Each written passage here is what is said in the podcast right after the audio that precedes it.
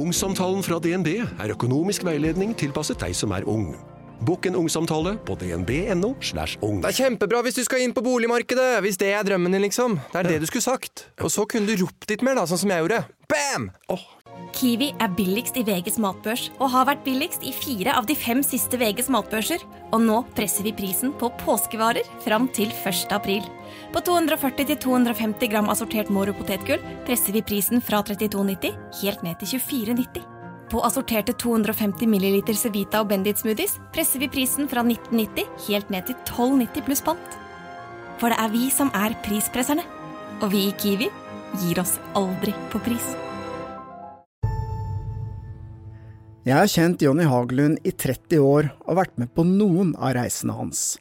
Men i denne podkasten kan du være med fotograf og eventyre Jonny Hagelund på tur til de mest eksotiske steder på denne planeten. Dette er Grenseløs, en podkast fra produsenten av Avhørt.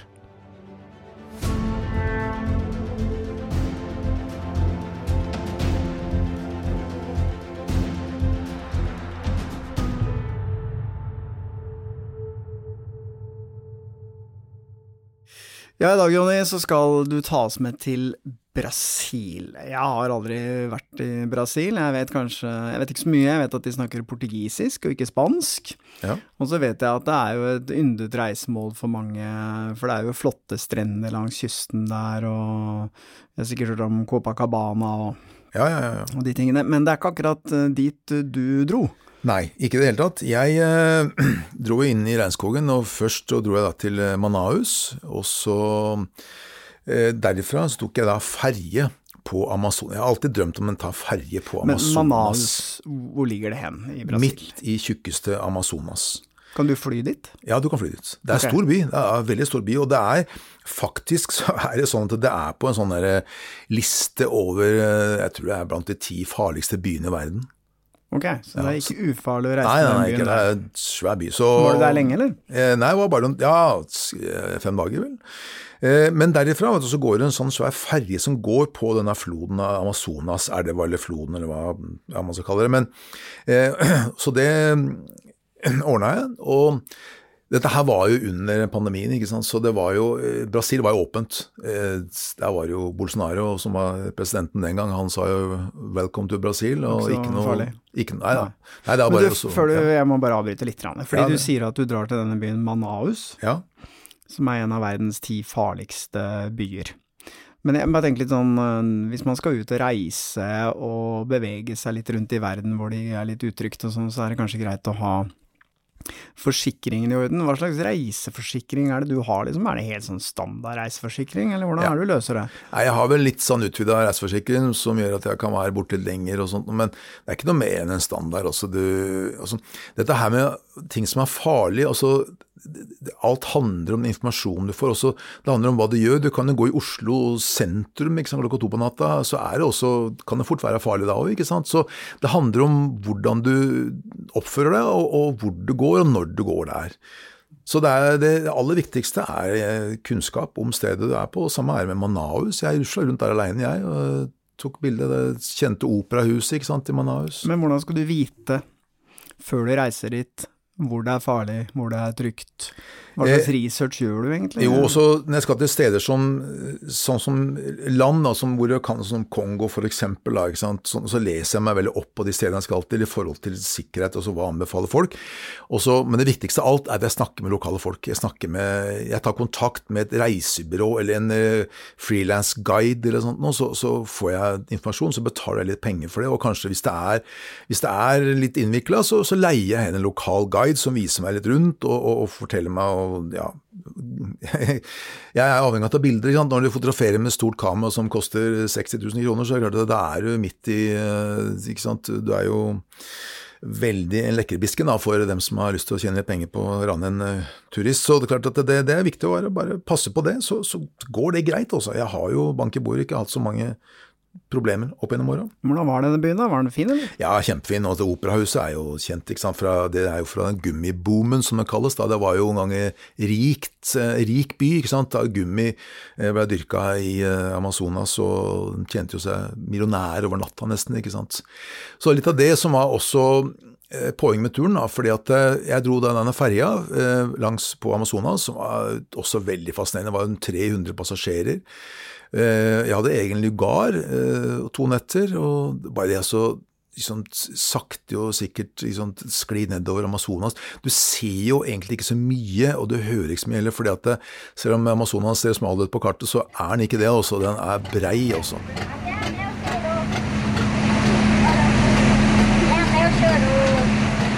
Nå skal jeg seile på Amazonaselva i to netter og ja, to og en halv Eller vent, ja, to og en halv dag. Har egen lugar og greier her sånn. Munnbind. Brukes hele tiden på båten. Forbanna irriterende, men greit nok, så vi slipper å få denne her fordømmede koronaen innabords. Da er vi i Manaus, og jeg skal da gå av i Santarem, etter stedet jeg skal av. Men likevel så stoppa vi i mange små byer, eh, landsbyer underveis, og det livet på kaia, og ikke minst livet om bord på båten. Mange sover hengekøyer. Eh, og folk er, altså Brasilianere er jo veldig blide folk ikke sant? og veldig, veldig glad i en fest. Det var jo fest hver kveld, ikke sant? og full, det var musikk og øl og tjo og hei og skål. Og, så det er veldig, veldig sånn festglade folk, da, brasilianere. Så denne ferja den går da fra Manaus? Ja. Um, men er det en sånn rutebåt, eller Ja, ja. er det Ja, det er det det er. Det er det det er, Den går faste tidspunkt og sånn, det er ikke noe Ja. sånn charter uh, Nei, nei, nei, ikke helt. Det er fast sånn rutebåt. Den går eh, helt fram til Belém på, på kysten. Så, men jeg tok den til Santarem, eh, som er halvveis, ca. 74 mil. Den går jo sakte, ikke sant. Så, eh, og i Santarem så dro jeg litt sørover, eh, til eh, Fordlandia. Fordlandia er jo Det høres ikke brasiliansk ut. Nei, og det er det som er dette her. og Det var litt av, liksom litt av, av målet mitt da, med det Fordlandia. For, altså, Henry Ford han bygde eh, på 1920-tallet så bygde han en eh, sånn idealby, som han kalte det da, Fordlandia. Som Han kjøpte opp et svært eh, område, og der skulle han da eh, dyrke gummitrær, og så eh, produsere lateks til hjul, til gummihjul, da, til modell A, Forden, ikke sant.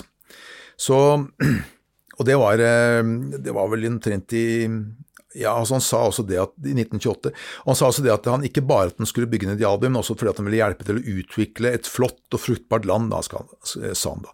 Men han hadde jo noen rare greier da. For, også husk på at Henry Ford var den gang dagens kan si, Elon Musk. ikke sant? Han var jo mangemillionær, han var stor. ikke sant? Men det var en del sånne rare ting, da. for at det, Byen måtte være alkoholfri, og så var det visse obligatoriske aktiviteter som folk i en sivilisert vestlig verden bør bedrive. For dette var på en måte en slags vestlig by, da, midt inne i Amazonas. ikke sant? Den gang, Selv nå så ligger det ganske avsides til, også midt i regnskogen, omgitt av tjukk, tjukk regnskog. ikke sant? Og poesilesing. Eh, Innbyggerne måtte synge i kor. Og så insisterte han på at eh, folk måtte bruke klær som i USA, og leve på en helamerikansk diett. Ok, Så han skulle rett og slett lage et lite mini-USA Ja. i Brasil? Ja. For det med alkoholnekt, eksempel.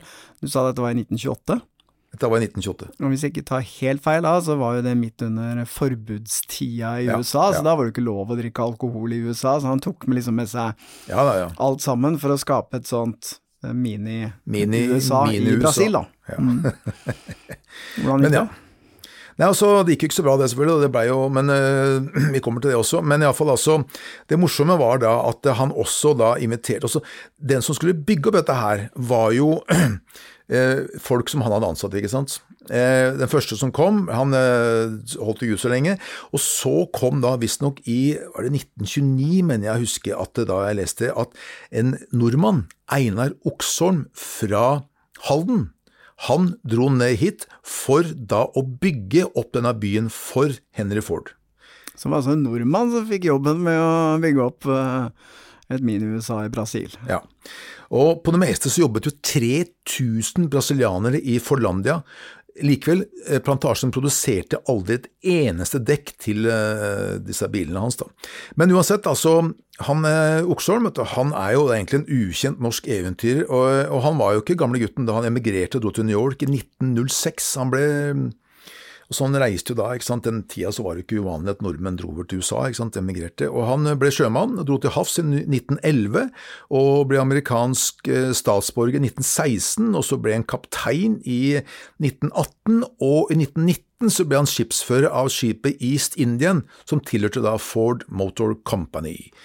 Det var sånn han eh, havna i jungelens dyp, da. Og han ble, gjort, han, han ble vel lagt merke til allerede i 1927 som en god leder, eh, ifølge da det jeg har fått med her. sånn, Og så ble han sendt inn til eh, Fordlandia da, av den tiltenkte jungelbyen da, til Henry Ford. For, Fordlandia da, og området rundt, som er da til sammen 14.568 kvadratkilometer, ble kjøpt av Ford fra brasilianske myndigheter i 1927 og han fikk rettighetene da, til å drive området som en selvstyrt stat i staten, så han kunne innføre egne regler, egen politistyrke og stort sett gjøre som han ville. og Det var derfor han altså da, ikke sant, planen hans var å lage et sånn idealsamfunn. da, ikke sant.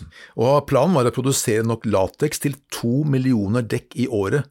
Men likevel så produserte den altså da ikke et eneste eh, gummidekk. Men hva var årsaken til det, da? Herregud, han etablerte en svær by og ansatte en ja, hel også dette her handler litt om det som skjedde ikke sant, på den tiden der. fordi at eh, Da var det jo i Brasil, denne gummiboomen, ikke sant, eh, var det jo, der blei gummi produsert. ikke sant, og Derfor så blei Manaus blant annet veldig rikt. Men så var det visstnok noen som smugla disse her frøene da, ut av Amazonas og begynte å dyrke eh, gummi også i Malaysia blant annet. Og der var det visst, altså i, I Amazonas så var det en annen, eh, jeg tror det var et insekt det er, sånn som tok livet, kunne ta livet av disse her plantasje. Men ikke den, den sykdommen, fant, den insektet fantes ikke da i Malaysia. Dermed så gikk jo lufta ut av den der gummiboomen i eh, Amazonas. og ja. Ok, så rett og slett fordi noen uh, smugla ut noen frø, så falt hele Så falt alt fisk. prosjektet til Henry Henry Ford i, uh, i Amazonas.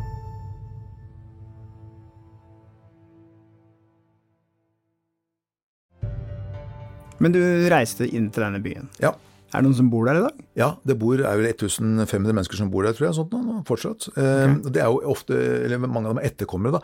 Og det som er fascinerende, står jo fortsatt en svær fabrikk, altså fabrikkbygningen står der ennå, masse maskiner inni og sånt, og det er, eh, det er litt sånn spøkelsesby. og, og Brasil er jo et land hvor folk er veldig enkle om å gjøre, det er ikke noe problem. Så det er jo bare Jeg snakka med vakta der, ja ja.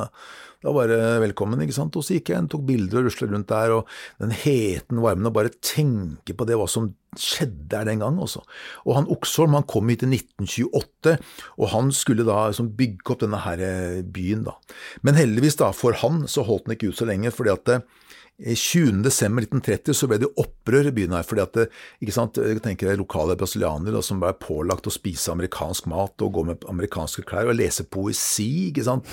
Det, det, det, det, det er ja, det er ikke Det var litt mislykka det prosjektet der, Ja, men, det eh, men hvor, hvor stor ble denne byen da? Hvor mye rakk de å bygge ut? Ja, altså De bygde ut ganske mye, og selv om i dag så er jo nesten ikke noe igjen av den plantasjen og sånt, men det er den fabrikken, den bygningen står igjen der, altså som en sånn eh, spøkelse etter den tiden der. sånn, så Det er, eh, det er som et stort museum, da, for det er mange andre bygninger som står igjen fra den tiden der. sånn. Så du kan egentlig reise tilbake i tid Ja, til og slutten av 1920-tallet og se liksom Ja. hvordan produksjonen var tenkt foregå, og Ja.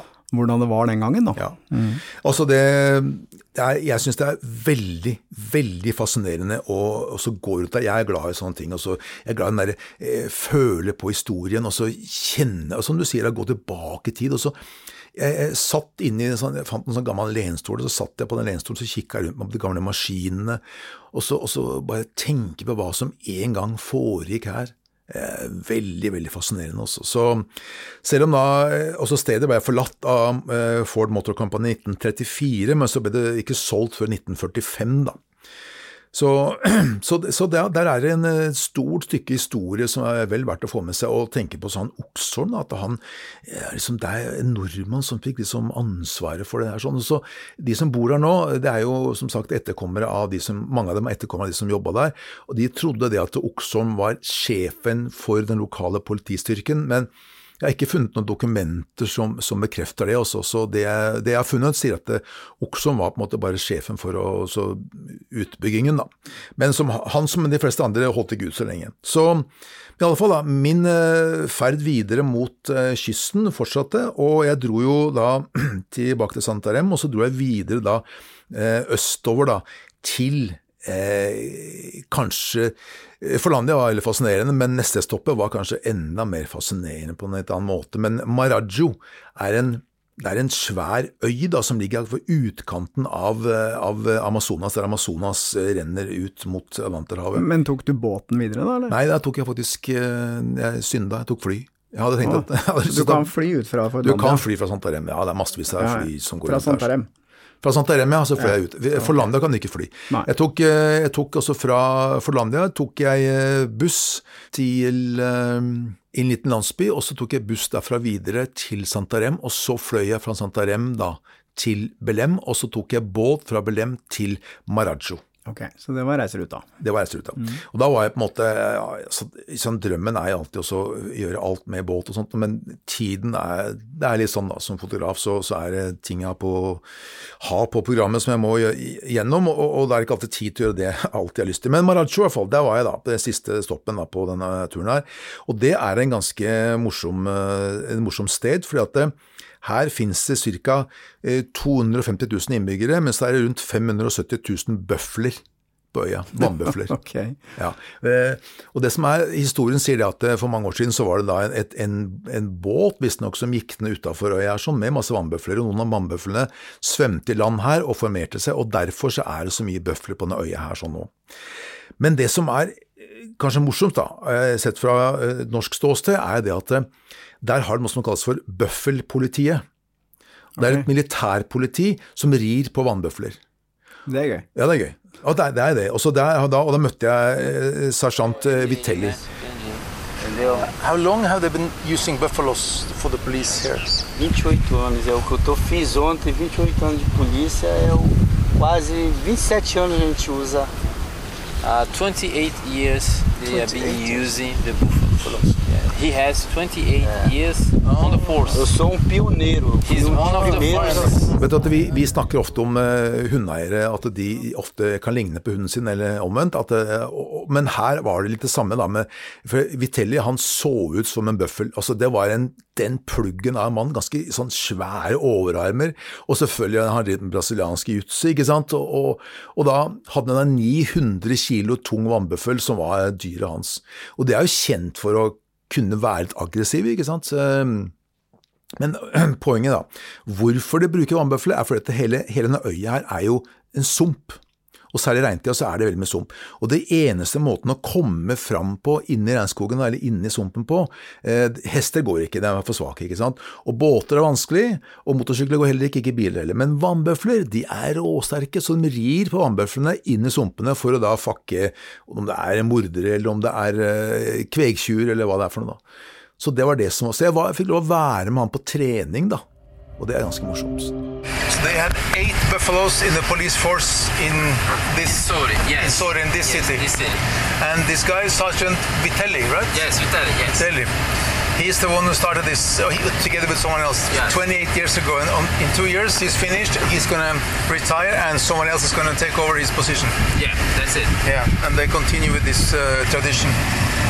And they have to train the buffaloes since they're small babies because they can be aggressive. Yeah, yeah it's more easier when you when you train, train them from very, very small. Yeah, so so they. Yeah. Hvor lenge var du på denne Ja? Ukes tid. Jeg var rundt der, og det er et veldig flott sted òg. Vi finner badestener og sånt, uten at jeg er så opptatt av det. Men det er veldig sånn paradisisk sted. Få veier, eh, få mennesker, og veldig hyggelige mennesker. Og disse svære bøflene da, som er eh, fascinerende, selvfølgelig. Men ikke, ja, Du sier at de kan, de kan, være litt farlige, men du opplevde ikke at det nei, nei, nei, var truende med dem? Nei, ikke i det hele tatt. Det, altså, det sies jo at de, de dreper en del mennesker i året, men eh, bøfler da, dreper hvis det er 200 mennesker i året sånt, i gjennomsnitt på, i, på verdensbasis. da. Det er visst hovedsakelig disse afrikanske bøflene, altså, så ikke det er dem inne i de greiene her. Men, men det er klart at det, de er jo stolte dyr, så du skal jo selvfølgelig behandle dem med respekt og alt det der sånn, og de er store og sterke. De største blir jo 1200 kilo tunge, ikke sant, så man skal være litt sånn eh, man skal eh, passe på da, med disse store horna òg, så de slenger med hodet, så er det fortere å få en sånn i magen, og da er det jo da er det knockout. Men ikke sant, jeg var sammen med han Vitellia, og så hadde jeg med en lokal tolk, da, så det var ja, kjempe, kjempegøy. Og han eh, Vitellia rei denne her bøfferen bufferen inn i sumpene. Det er utrolig eh, solide dyr også. Det, det, er muskler, vet du. Nå dro jo du på en ganske svær runde her, da. Så du kan fly rett til den øya hvis du ønsker det? Nei, den øya kan du faktisk ikke fly til. Der er det okay. båt som gjelder. Ok. Mm. Hvor er nærmeste flyplass da? Eh, ja, Belem, tenker jeg. Jeg tror Belem er det nærmeste, som ligger ved, helt ytterst, ytterst, ved kysten. da. Ok, Så kan så, du ta båt ut? ja, det er bare et par timer båt, så er du der. Ja. Det er veldig greit å komme dit. altså. Så alle stedene her er enkle å komme til. og så Disse stedene jeg prater om eh, hele veien, det er jo stort sett enkelt å komme til. Det det handler om ofte, da, det merker jeg. Jeg snakker med mange mennesker, jeg holder foredrag og sånt nå, og møter folk som som er nysgjerrig på, på det og det. Altså, men det er kunnskapen om det, og så vite at det er, faktisk er mulig. Og så er det det at eh, jeg har møtt mange som, som som, Du leser jo ofte Brasil at det kan være litt farlig, og det er sant. Det, det er jo flere byer i Brasil som, hvor det er farlig. Men Sånn er jo ikke hele Brasil i det hele tatt. ikke sant? Så, det handler litt om kunnskap om hvor du kan dra, og, og, hvordan man skal forholde seg til sikkerheten på det stedet man er. Men stort sett så er det ganske enkelt og rett fram å reise i Brasil. Folk, er, eh, folk hjelper deg. Ikke så mange kan engelsk, iallfall ikke i de strøkene jeg har vært nå, så jeg var jo avhengig av å ha med en tolk. Eh, jeg snakker dårlig spansk, og i hvert fall ikke noe særlig på Det sies at hvis du kan spansk og skjønner en god del portugisisk òg Ja, jeg skjønte ingenting. Jeg kunne hei og farvel, og det var det. Men ja, det, så jeg hadde med en lokal eh, tolk hele veien, og det, det er ofte en stor fordel, og særlig som, som fotograf, da, fordi jeg skal liksom innpå folk, og da må jeg fortelle folk hvorfor er jeg, hva skal jeg, hva, hvorfor driver jeg fotograferer med dette svære kameraet i ansiktet på folk. Jeg vil gjerne fortelle dem hvorfor jeg gjør det. Og, og straks de vet det, så er det mye lettere for dem å, å la meg komme inn på. ikke sant?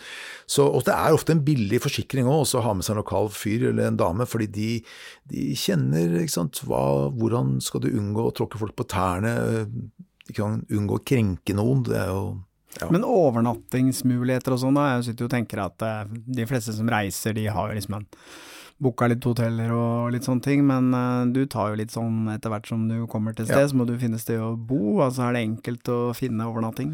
Ja, stort sett uh, så er det det også. Uh, også jeg har jo med telt, så jeg slår opp det hvis jeg føler for det. Hvis jeg, hvis jeg må det. Det er ikke noe problem, det. Så, så, men sånn som det er i Brasil, så var det vel ikke noe problem. Jeg, stort sett hadde jeg steder å sove. Små steder, små lokale guesthouse eller gjestehus eller hva det kalles på norsk, så aldri noe problem. Og, og også så sov jeg innimellom hos lokale folk, det gjør jeg. Og jeg vet at det, eh, Veldig mange mennesker syns det er fascinerende å sove hos lokale, og jeg også gjør jo for så vidt det. Ulempen ved å sove i, hos en lokal familie er at du blir ofte dratt inn i deres rutiner, og, og du må på en måte følge dem. Som fotograf så er jeg, liker jeg å opp veldig tidlig om morgenen ikke sant? Og for å fotografere, og, så du føler på det at jeg, du vekker kanskje folk, da, det, sånne ting som det. Så jeg, jeg, prøver egentlig å unngå å i hvert fall dele rom da, med lokale folk. Men ja, jeg sover hos lokale, jeg sover i hager, jeg sover ute i gater, jeg sover i uh, veikanten, jeg sover uh, ja, hvor som helst. Sover i veikanten. Ja, helt til slutt så kan jeg huske, vi var jo på en motorsykkeltur en gang i, i USA utafor uh, Jackson Hole, husker du det? Da vi ja, kom dit den kvelden, så var jo absolutt eh, alt av eh, overnattingssteder fullboka, så vi slo jo opp noen telt på en uh, parkeringsplass. Stemmer det. Jeg huske. og uh, hva var det vi var redd for da? For jeg husker det var et eller annet vi var bekymra for. Da vi bjørn. Lå, det var bjørn, ja. Ja, Grizzly, vet du. Mm. vi liker Yellowstone. Så da Stemmer det. Ja, ja, ja. Det, jeg husker jeg var litt, litt sånn, nervøs. Ja. Jeg tror nok vi var ganske Vi var nervøse uten grunn også, det var ikke noe særlig å bekymre seg for. Isbjørn hadde vært det der, så det, da hadde jeg også vært litt engstelig. Da jeg sov inn i bilen. Men eh, det var ikke noe, var ikke noe problem. Men klart at det som jeg eh, alltid nevner, er at det er, det er så lett å vi er ikke vant til bjørn, ikke sant. Eh, men å sove i Oslomarka hvor det er svære elger, ikke sant? det bryr ikke vi oss om i det hele tatt. Men det er jo kanskje en fra India, Indonesia, ikke sant. Så, så det er litt hva det er vant til, da.